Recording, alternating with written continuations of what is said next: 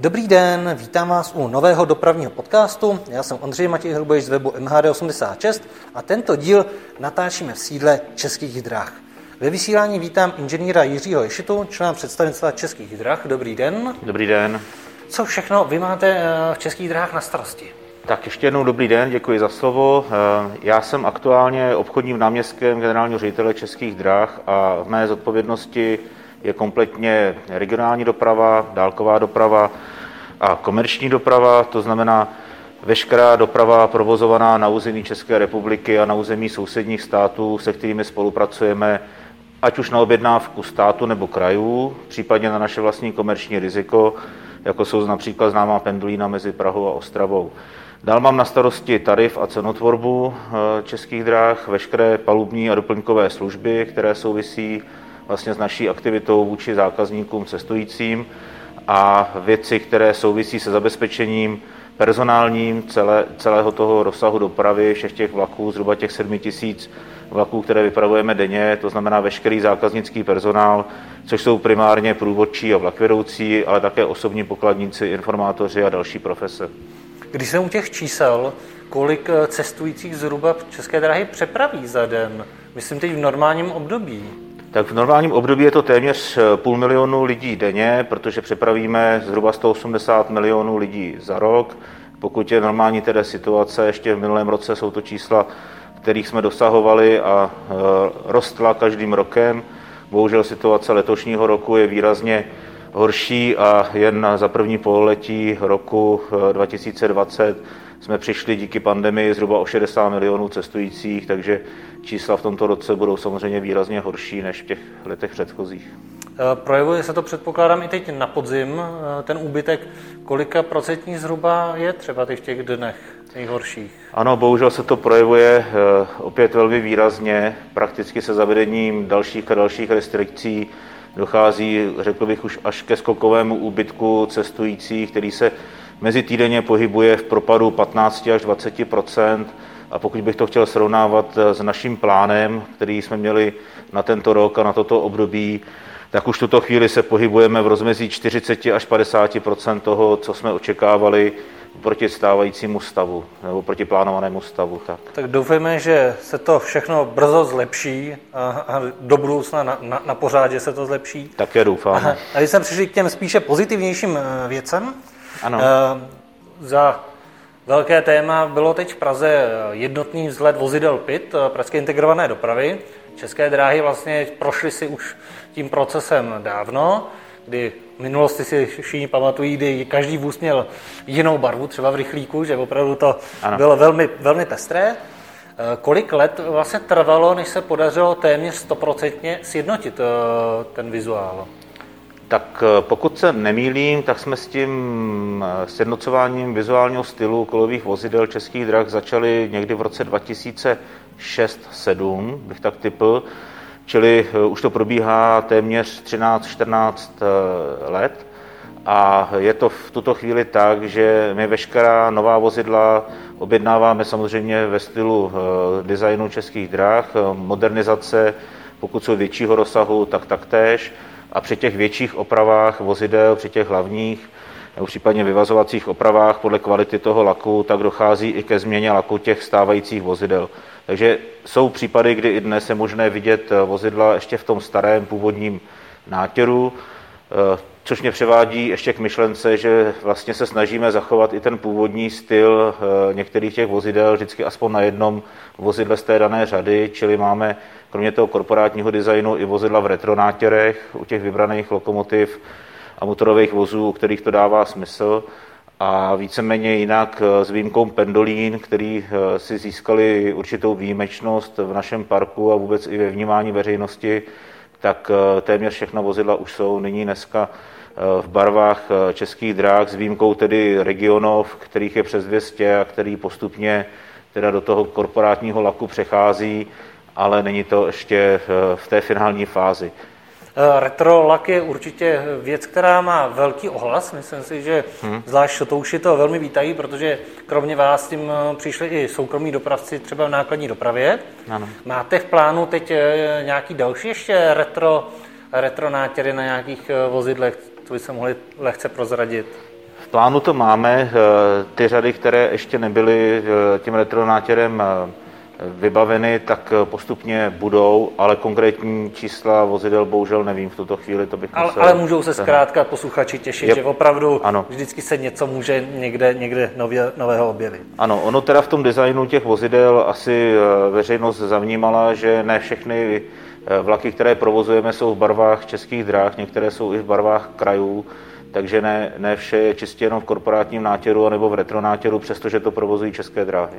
A co se týče toho vzhledu krajského, kdy jednotlivé kraje vlastně si řeknou, jak chtějí, aby vypadaly uh, jejich jednotky motorové, jak uh, tam se to bude třeba v budoucnu řešit, kdy uh, třeba elefant, který jezdí v Praze a ve středních Čechách, tak zasahuje až do Ústeckého kraje, když Ústecký kraj přijde vlastně se svým taky eh, barevným vizuálem, máte nějakou představu vlastně, jak, jak to, jak to do mhm. budoucna řešit?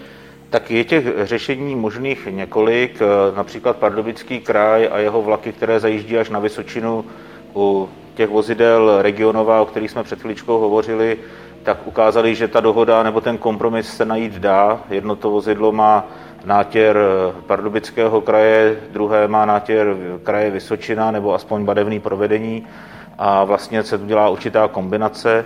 V příštím roce nás to čeká vlastně mezi eh, plzeňským krajem a Karlovarským, eh, kdy plzeňský kraj má také svůj specifický barevný design vlastně dopravních prostředků, které financuje, jejíž provoz objednává a Karlovarský kraj chtěl být také nějakým způsobem u toho společného projektu, kde jsou to dvě jednotky placené jedním krajem a dvě druhým, tak chtěl být taky nějakým způsobem u toho zviditelněn svými e, symboly a svými barvami, tak se našlo kompromisní řešení například v tom, že design vevnitř e, je Karlovarského kraje u těch dvou jednotek, e, design u těch dvou zbývajících je Plzeňského kraje a z boku těch vozidel jsou loga obou dvou krajů, takže takže je, opravdu je... cesta čistého kompromisu, dá se jo, jo, aby byli spokojeni. Vždycky, vždycky to záleží na dohodě všech mm. třech partnerů, mm. případně mm. více, to znamená dopravce a těch objednatelů. A těch možných řešení je několik. Já se přiznám za nás, že my preferujeme spíše barvy eh, dopravce kvůli identifikaci, aby lidé věděli, s kým cestují, jestli jsou to české dráhy, Arriva nebo jiná společnost, protože dneska ještě nemáme vlastně státní jízdenku, nemáme celý systém toho odbavení, integrovaný dopravní systém nefunguje v celý, eh, v celý eh, síti nebo v celý šíři toho kraje a pro toho konečného cestujícího je důležitější než to, kdo to objednává a platí, s kterým dopravcem jede. A jaký kde mu má, platí ta jízdenka. Jaký, přesně tak, hmm. kde mu platí jízdenka, jaký má mít jízdní řád, takže náš názor není vždycky stejný, jako je krajského objednatele, který samozřejmě asi chce tam zviditelnit primárně sebe. Myslím, že docela přijatelný a příjemný kompromis jsme našli v Olomouckém kraji, kde vlastně nové vozidla, nová vozidla eh, štádlery jsou v barvách českých dráh, ale jsou polepena hes, hesly a logy objednatele i českých dráh. Dokonce se Slem jedeme v tom spolu, kde je prostě jak objednatel, tak dopravce jako zviditelný dostatečným způsobem. Je tam ta místní identita vlastně. Tak a probíhá ta hmm. identifikace jak tomu objednateli, tak tomu dopravci. To třeba považujeme za, za přijatelný, rozumný řešení. No. Když se nakousnul ten tarif, což je opravdu jedna z velmi složitých věcí, ano. protože, a teď nemyslím jenom tarif českých drah, ale vlastně tarif obecně, jak to vypadá s tím eh, projektem jednoho tarifu pro všechny eh, dopravce, který se testuje, myslím, někde zrovna v Plzeňském kraji? Ano, eh, v tuto chvíli běží pilotní provoz eh, na dvou linkách Plzeň Most a eh, Pardubice, ne, pardon, Česká Lípa Rumburg na úseku, kde v jednom případě vlastně jezdí vlaky, mám pocit, čtyř dopravců, nechci se mílit, třech, možná čtyřech dopravců, to je ta, to je ta oblast Plzeňsko-Ústecká.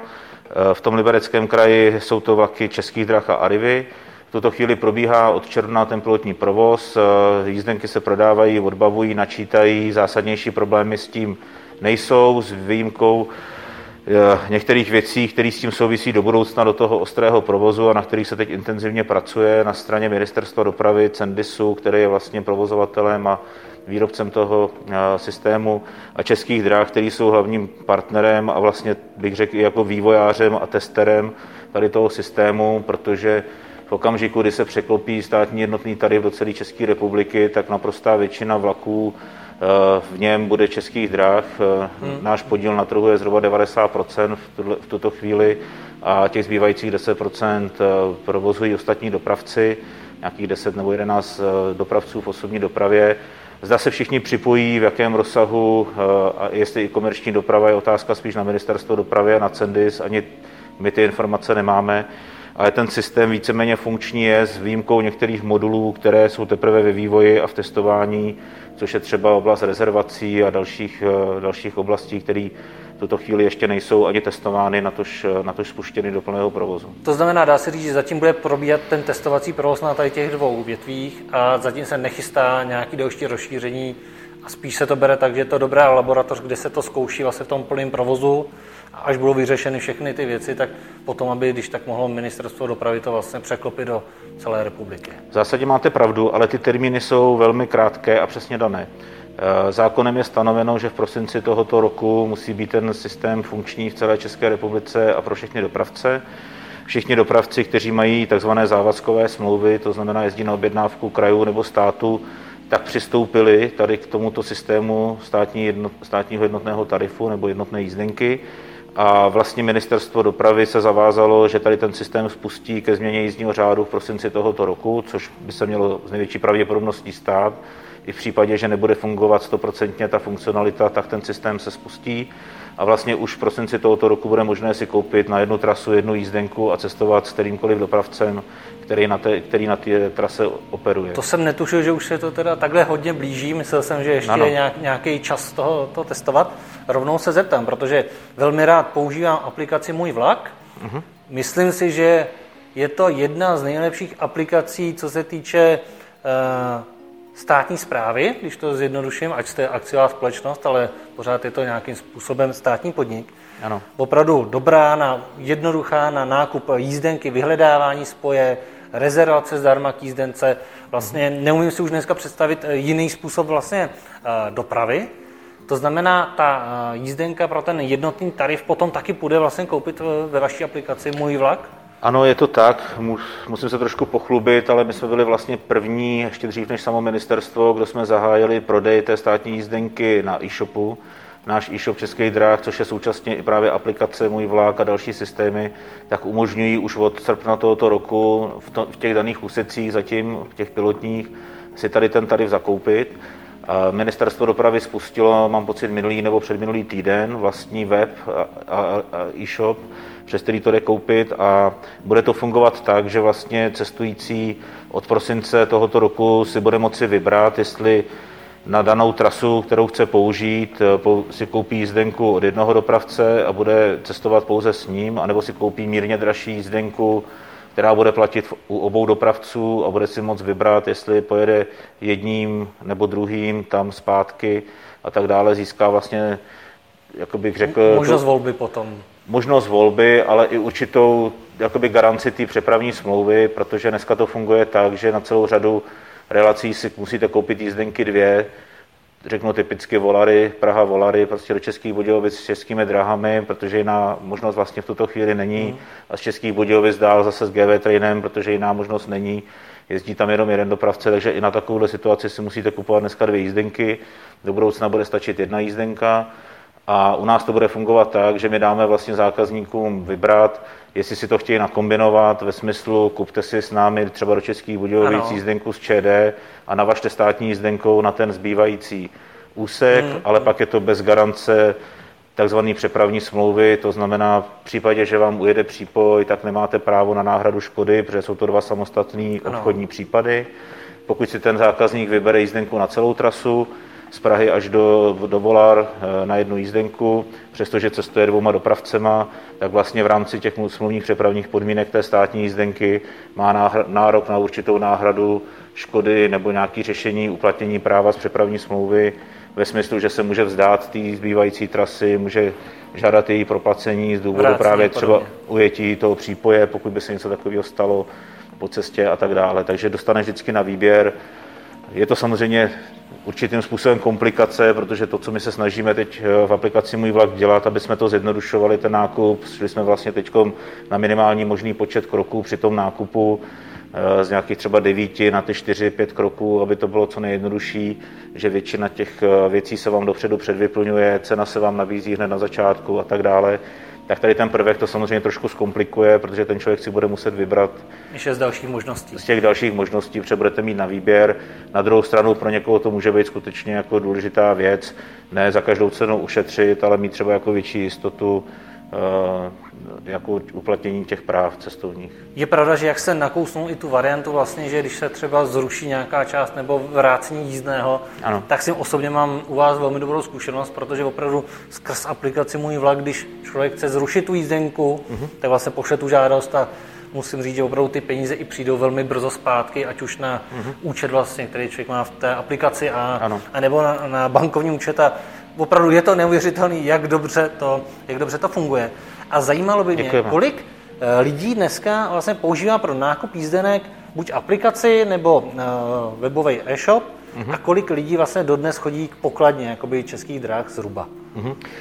Je to tak, že podíl vlastně toho bezkontaktního odbavení rok od roku roste a je rozdíl mezi tím, zda jsou to jízdenky pro regionální dopravu anebo jízdenky pro dopravu dálkovou za větší peníze na větší vzdálenosti.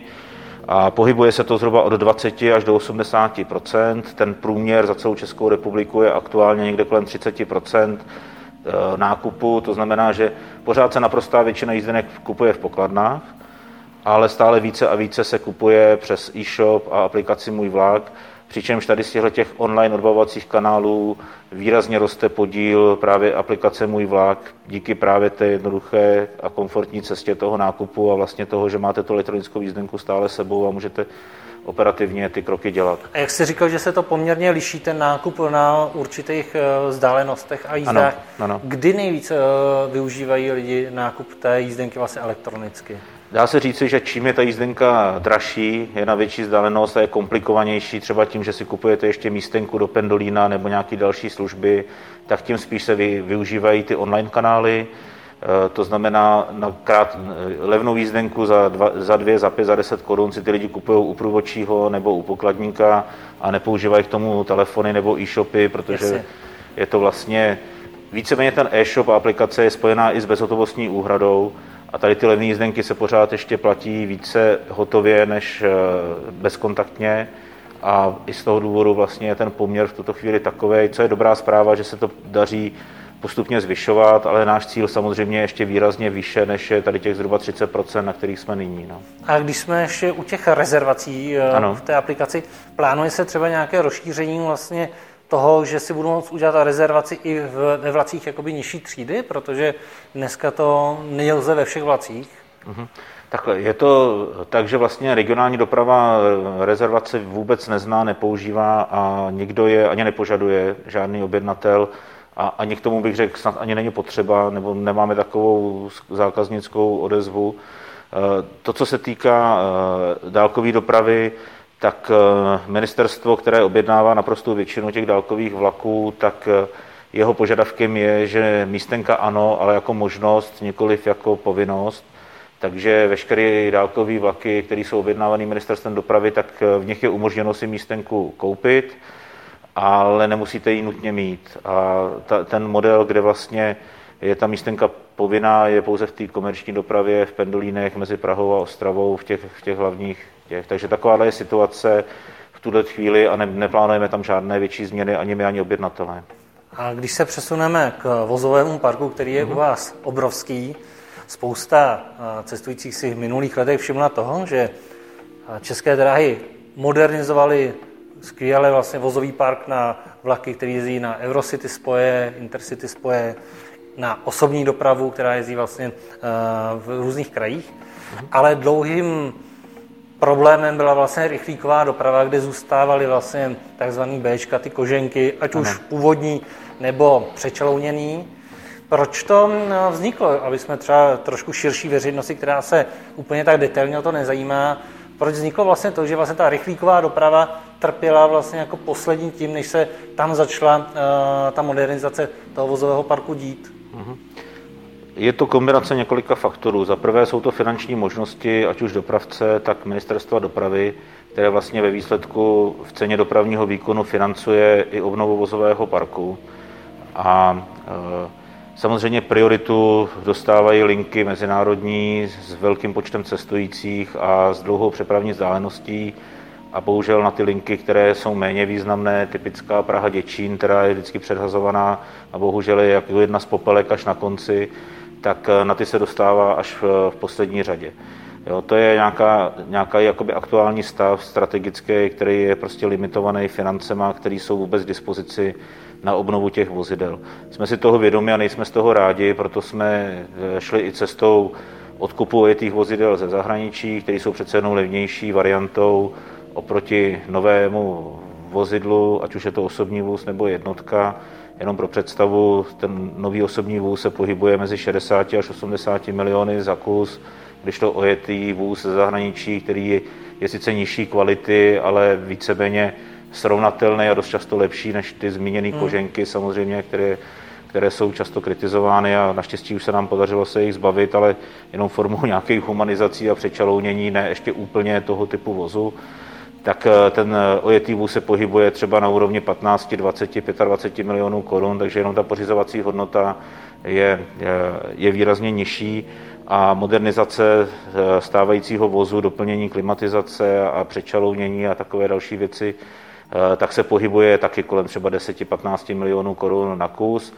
Pokud se bavíme o té, my tomu říkáme Eh, jednoduchý refresh, humanizace, cokoliv, jenom taková jako jednoduchý, jednoduchý upgrade eh, toho stávajícího vozu, který je přes 40 let starý, jako je třeba to B s těma koženkama, tak potom ta investice je výrazně ještě zase nižší, je to třeba milion, milion a půl korun na jedno vozidlo, ale samozřejmě neuděláte tam ty věci, které dneska už cestující očekává jako standard, to znamená, není tam klimatizace, není tam Wi-Fi, nejsou tam zásuvky, jo, není tam ten centrální Rozumím. zdroj energie, uzavřený systém WC, tahle ta investice potom už leze přes těch 10-15 milionů korun a pak už je diskutabilní, jestli dělat eh, obnovu způsobem modernizace na třeba na 10 na 15 let, anebo jít do nového vozidla na 30, možná 40 let v našich podmínkách, která víceméně v té odpisové částce se potom jako porovná na, stejný, na stejných částkách. Takže naší strategií eh, do budoucna je kupovat vše nové a investovat eh, a omlazovat vozový park výrazně více, zmenšit počet řád eh, na minimum, udělat velkou unifikaci a kupovat velké počty vozidel ve velkém objemu, tak aby jsme i udržbovou základnu sjednotili, náhradní díly a další věci kolem toho.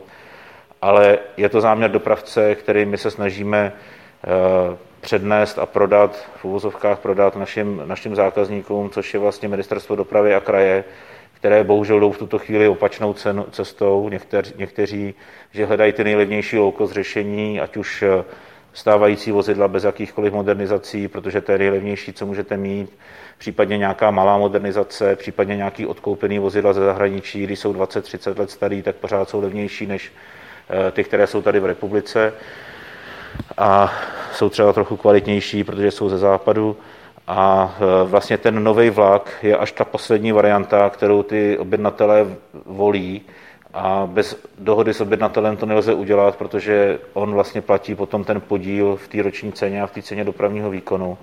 A jenom pro vaši představu, v roce 2019 e, vlastně České dráhy znovu projednávali a obnovovali všechny kontrakty, které byly uzavřeny původně v roce 2009. Hlavním tématem, eh, kromě jízdního řádu a tarifů, byla právě kvalita vozového parku a jeho obnova. A jenom 5% vozidel, které my dnes a denně provozujeme, tak se podařilo vyřešit tak, že se do nich bude investovat formou nákupu nových vozidel. Všechno ostatní jsou buď modernizace, anebo stávající vozidla. To znamená, že ta obnova toho vozového parku místo starého nové je velmi jako nepatrná z pohledu celých českých drah, bohužel. A ten hlavní důvod je ten, že ta investiční náročnost je tak vysoká a ta cena dopravního výkonu potom se pro ty kraje tak zvedá a i pro ministerstvo, že je to vlastně pro veřejné rozpočty bez dotace, která bohužel víceméně není, tak je to neufinancovatelné. To znamená, sami vlastně nejste v jednoduché situaci, protože není to jenom o tom, co vy si řeknete, ale tím, že vlastně i těch objednavatelů je čím dál víc, tak se situace dělá složitější. Ano. U těch financí bych zmínil i například legendární 810, což jsou ano. ty známé motoráčky. Říká se tomu někdy autobus na kolejích. Ano. A to je zrovna jedna z věcí, kdy lidé to kritizují, že to vlastně dodnes eh, jezdí na těch tratích, že vlastně už by tam měl jezdit nějaký novější stroj. Asi největší nevýhoda je, že nejsou nízkopodlažní ty vozy, mm-hmm. zároveň ale jezdí ano. na lokálkách, kde často ani ty nádraží stejně nejsou přizpůsobeny tedy pro nízkopodlažní provoz. Mm-hmm. Jak to, je tam nějaké řešení a je nějaký nástupce těchto vozů, který by vlastně dokázal jezdit za nízké vlastně náklady, s nízkou kapacitou pro cestující, tu dostatečnou, mm-hmm. a, a nebo zatím pořád je to o tom, že se musí objednávat zase třeba už moc kapacitní jednotky, které výjdou právě hrozně draze na provozování na té trati a pak je to o tom, jestli trať zavřít, aby tam jezdil autobus pro toho objednavatele, mm-hmm. a nebo jestli tam vlastně nechat tu 810, která finančně tam dává ještě nějaký ekonomický smysl, ale třeba Regio Šrek by tam byl zbytečný. Mm-hmm. Ano, eh, je to správná otázka, taky jsme si ji položili a udělali jsme průzkum trhu v, u všech evropských nebo vlastně i světových výrobců. Zda někdo vůbec má ve výrobním programu nebo aspoň plánuje takový vozidlo vyrábět, protože tady ty 810, ty motoráčky malý nebo i ty 814, který, ty regionové, které vlastně z nich vznikly, tak uh, už se přes 40 let uh, nevyrábějí, jsou přes 40 let starý a jejich životnost skončí, logicky. Možná tak ještě 10 let je udržíme v provozu, ale víc pravděpodobně ne. A žádný z evropských ani, ani zahraničních nebo světových výrobců nemá ve výrobním programu uh, takové vozidlo a ani neplánuje ho mít. Jo. Ta tržní konzultace to bohužel ukázala, že nejmenší kolejové vozidlo, který ještě výrobci chtějí vyrábět a mají o něj zájem objednatelé v celém světě, tak je kapacita zhruba 100-120 míst. Ale takhle malý motoráček pro 50-60 míst, který je prakticky, jak říkáte, hmm. náhradou autobusu, tak nikdo, s ním, nikdo ho neplánuje vyrábět. Těch důvodů je několik. Eh, nelze ho už nyní vyrobit tak, jako před 40 lety. Ano. To znamená nové normy TSI, bezpečnost, krešové zóny a tak dále. Výrazně zvyšují hmotnost toho vlaku a jeho provozní náklady a vlastně cena na sedačku, na kterou se víceméně všechno přepočítává, tak je neuměrně vysoká, jak pro toho výrobce, tak pro toho dopravce, tak ve výsledku pro toho objednatele, který vlastně platí na konci celou tu dopravní obslužnost, kterou si prostřednictvím těch vlaků objednává. Takže my jsme dospěli k závěru, že budeme-li chtít eh, tyto vlaky nějakým způsobem dál provozovat nebo výkony, které zajišťujeme těmito vlaky a nahradit je do budoucna, tak jiný řešení, než společně s nějakým výrobcem vyrobit eh, a vyvinout takové vozidlo, tak není, pokud vůbec někdo bude ochotný eh, do, takové, do takového projektu jít. A to je to, co teď prověřujeme s výrobci, který dřív, anebo i nyní, ty motorové vlaky vyráběli. A oni třeba do budoucna nemusí být jenom motorové, oni můžou být i nějakým způsobem hybridní. To znamená, že můžou být na elektrický provoz se spalovacím motorem v kombinaci, můžou být eh, vodíkový, můžou být částečně na baterky a na spalovací motor. Prostě těch kombinací je možných několik a testují se dneska taky na těch eh, větších motorákách, eh, na těch 120, s kapacitou zhruba 120, tady u těch maličkých ne, ale na druhou stranu je zase pravda, že my provozujeme dneska přes 200 uh, eh, těch 800 desítek, přes 200 regionů, to je dohromady přes 400 vozidel. A na Slovensku, v Maďarsku a v dalších východních zemích se provozí další stovky tady těch vozidel a ne všechny je možný nahradit těma většíma, eh, většíma motorákama, proto asi nedává smysl z pohledu přepravní poptávky na těch okrajových tratích. Jo. Takže je to teď velký téma, může to skončit i tak, jak jste naznačoval, že se doprava přestane objednávat a ty tratě se uzavřou a objedná se místo toho autobus. Ono tomu trochu pomáhá i Evropský systém zabezpečení ETCS, který vlastně bude vyžadován i e, v těch místech a na těch traťových úsecích, kde dneska provozujeme tady ty vlaky, kterými už vybavovat nebudeme tím systémem ETCS. Určitě, to ekonomicky by nedávalo smysl. No, to je investice třeba 15 milionů na hmm, kus hmm, hmm. Do, do vlaku, který za pět let nebo za deset bude muset přestat jezdit, takže to nedává ekonomický smysl. A tím pádem se můžeme dostat do situace, že skutečně nebude za ně náhrada. Jsme si toho vědomi, proto jsme to začali řešit už teď, i když to nastane třeba za pět, za sedm, za deset let, ale v tuhle chvíli není na trhu alternativa, bohužel. A když se podíváme ještě na nějaké konkrétnější tratě, jak jsme zmínili, například ty rychlíky Praha Děčí nebo Praha ano. Cheb právě přes Ústí nad Labem, mm-hmm. tam se chystá třeba ta obnova vozového parku v nějakém horizontu, že se jo. můžou těšit cestující? Tak tam mám pro cestující dobrou zprávu. 50 nových eh, vozidel osobních vozů pro dálkovou dopravu je už ve výrobě. Já nám tam konsorcium Siemens Škoda Transportation, čtyři vozy už jsou v tuto chvíli vyrobeny a jsou na okruhu ve Velimi na našem zkušebním v testování a jsou určený právě pro linku do Chebu, z Prahy do Chebu, a to jak přes Plzeň, tak přes Ústí. Bude to celkem 10 pětivozových souprav, které budeme provozovat na objednávku státu, eh, se kterým už máme dohodu. Tady na, eh, na nasazení těchto vozidel to součástí té velké desetileté smlouvy, té nový, která některé ty linky obsahuje. A díky tomu se vlastně i jiná kvalitní vozidla, která v tuhle chvíli jezdí do Chebu třeba přes Plzeň, tak se takzvaně uvolní z těch výkonů, protože budou nahrazena těmito úplně novými vozidly a my tyhle, ty vozy použijeme potom právě na linku třeba do Děčína nebo do Českých Budějovic, kde na té lince jak R20 Děčí nebo R17 tábor České Budějovice, tak pořád ještě jezdí vlastně ty nejstarší vozy e, typu B a A, takový ty klasický kupéčkový. Tak tam... A kdy zhruba očekáváte první nasazení s cestujícími? Třeba bude... ty první, první soupravy, než budou všechny vyrobeny? Bude to už v průběhu příštího roku a na konci roku 2021 eh, by mělo dojít k úplný náhradě tady těmito vozy. Tak to je opravdu blízký výhled. Jo, jo, jo. A další ze sledovaných ano. tratí je Praha-Kladno, což je trať, ano. která jedna věc je, že se tam řeší rychlodráha, jestli bude na letiště nebo ne. Ano. Letiště teď zrovna nemá zrovna kapacitní problémy, tam teď stačí ten autobus, ale do budoucna jde hlavně o tu dopravu na to Kladno. Ano. E, tam vypadá to nějak s nějakou modernizací e, v té motorové klidně trakci, protože není jasné pořád ta elektrická. Tam je to tak, že my máme dohodu jak s Prahou, tak se středočeským krajem, že koupíme a nasadíme tady na ty výkony 10 motorových vozů s kapacitou 120 míst.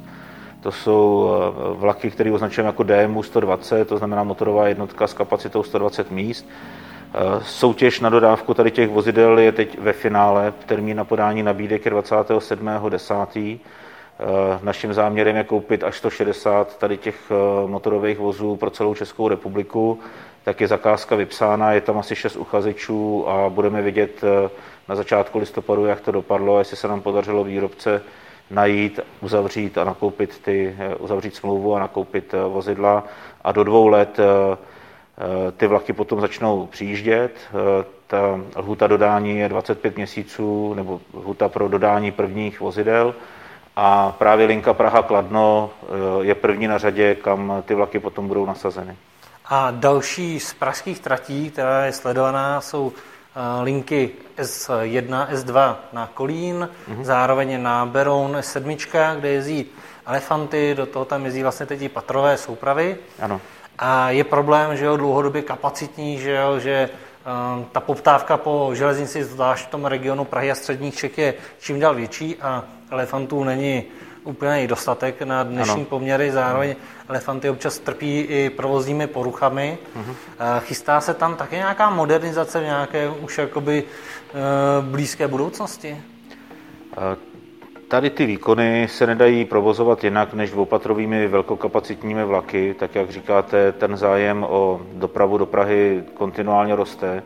Za posledních deset let zrostl o 80 tisíc lidí denně pokud se tedy budeme bavit o stavu před koronou, ale on, on i ten vliv té pandemie eh, z našeho pohledu je dočasný a věříme, že to zase zmizí a že zájem i tady o tohleto cestování se vrátí zpátky. A výroba takového vlaku eh, je, jak jsme už zmiňovali před chvíličkou, věc na, na roky. Takže my v tuto chvíli dáváme na stůl a máme předjednáno s objednateli, že budeme nakupovat eh, nové dvoupatrové vlaky pro tyto výkony, pro příměstskou dopravu kolem Prahy. V tuto chvíli eh, není na to smluvní dohoda ve smyslu zajištění financování těch vozidel, ale víme, že by to měl být čtyřvozový dvoupatrový vlak s kapacitou zhruba 350 až 400 míst. Eh, naším zájmem je nakoupit desítky těchto vozidel a e, vlastně jsme v minulým týdnu uzavřeli takzvanou předběžnou tržní konzultaci s výrobci tady těch vlaků, kterých je v Evropě celá řada. Bombardier, Alstom, Stadler, Škoda Transportation, Siemens, spousta výrobců se zabývá dvoupodlažními vlaky příměstské dopravy a budeme na základě výsledků té tržní konzultace vypisovat veřejnou zakázku. Předpokládám, že když ne do konce tohoto roku, tak na začátku příštího eh, s nějakým termínem předpokládaného prvního nasazení těch vlaků, řekl bych zhruba v roce 25, 26, kdy, ať se to nezdá, tak začneme postupně vlastně ve druhé ve druhý eh, půlce tady toho desetiletí. Pomalu eh, vlaky řady 471, ty známé City Elefanty, odstavovat z provozu. A to i z toho důvodu, že nejsou a nebudou v plném počtu vybaveny systém ETCS, nemají dvousystémový e, provoz možný, nejsou dualizovány, to znamená, jakmile postoupí konverze sítě ku Praze, což e, na lince Beroun Praha nemusí být až tak vzdálený horizont, mluví se o roku 26, 27, případně 29, tak vlastně i z technických důvodů tady ty vlaky nebudou moct být provozovány, protože neumí jezdit na střídavý proud, který bude postupně kolem Prahy kolem Prahy zaváděn v rámci investičních akcí zprávy železnic. Takže i z těch důvodů je nezbytná ta obnova tady toho vozového parku a měly by to být, jak jsem říkal, jednotky typu MU 400, to znamená dvoupatrové vlaky eh, o čtyřech vozech.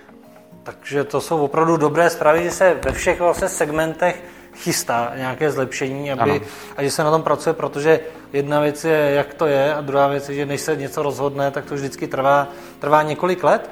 A jako poslední téma dopravního podcastu bych zvolil jídlo a restaurační vagóny. Uh-huh. Já kdykoliv eh, jedu s českými drahami, ať už do Brna, do Ostravy, ale nebo i třeba do eh, Berlína nebo do, do Vídně, tak samozřejmě rád jdu vždycky do restauračního vagónu, protože kromě toho, že tam máte točený pivo, tak tam máte i výborný jídlo a oběd, večeře, eh, opravdu jako svíčková, řízek, všechno možný. Uh-huh.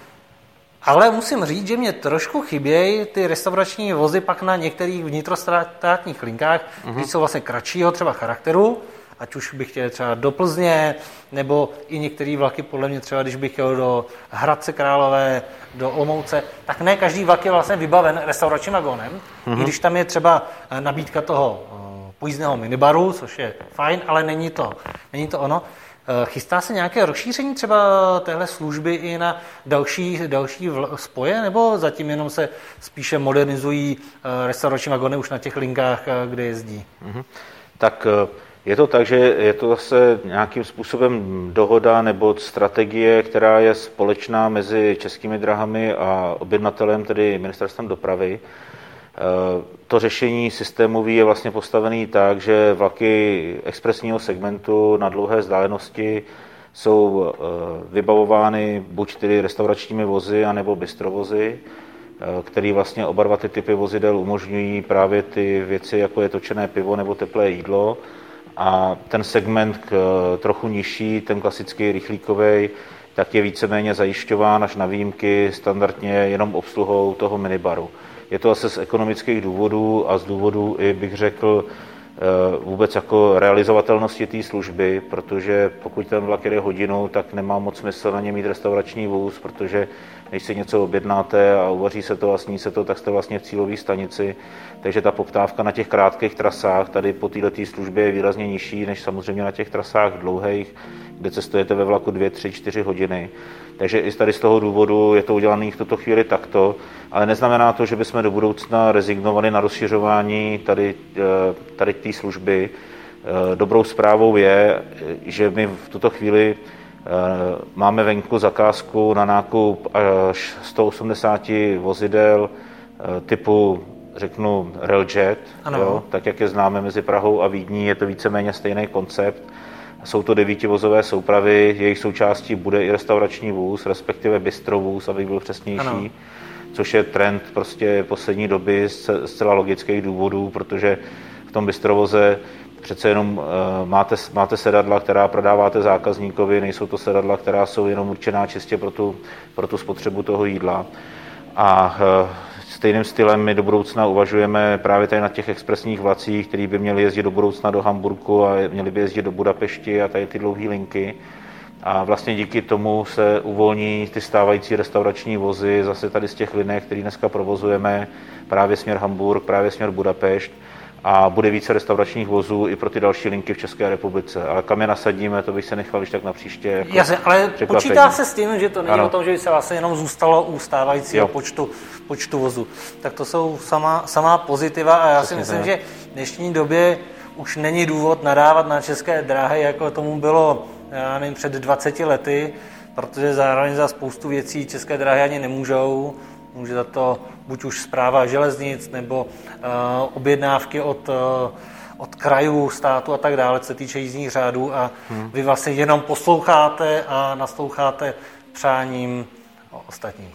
Tak eh, svým způsobem ano, snažíme se do toho vstupovat samozřejmě aktivně, ale je pravda, že těch objektivních skutečností, proč ne všechno jde tak optimálně, jak bychom si představovali, tak je hodně. Jsou to ty finance, jsou to stavební eh, práce, investice. Vlastně příští roky nás čekají velké investice na těch hlavních páteřních tratích na Ostravu, na Brno, takže dojde zase k výraznému zhoršení, co se týče cestovní doby, spolehlivosti těch vlaků a tak dále.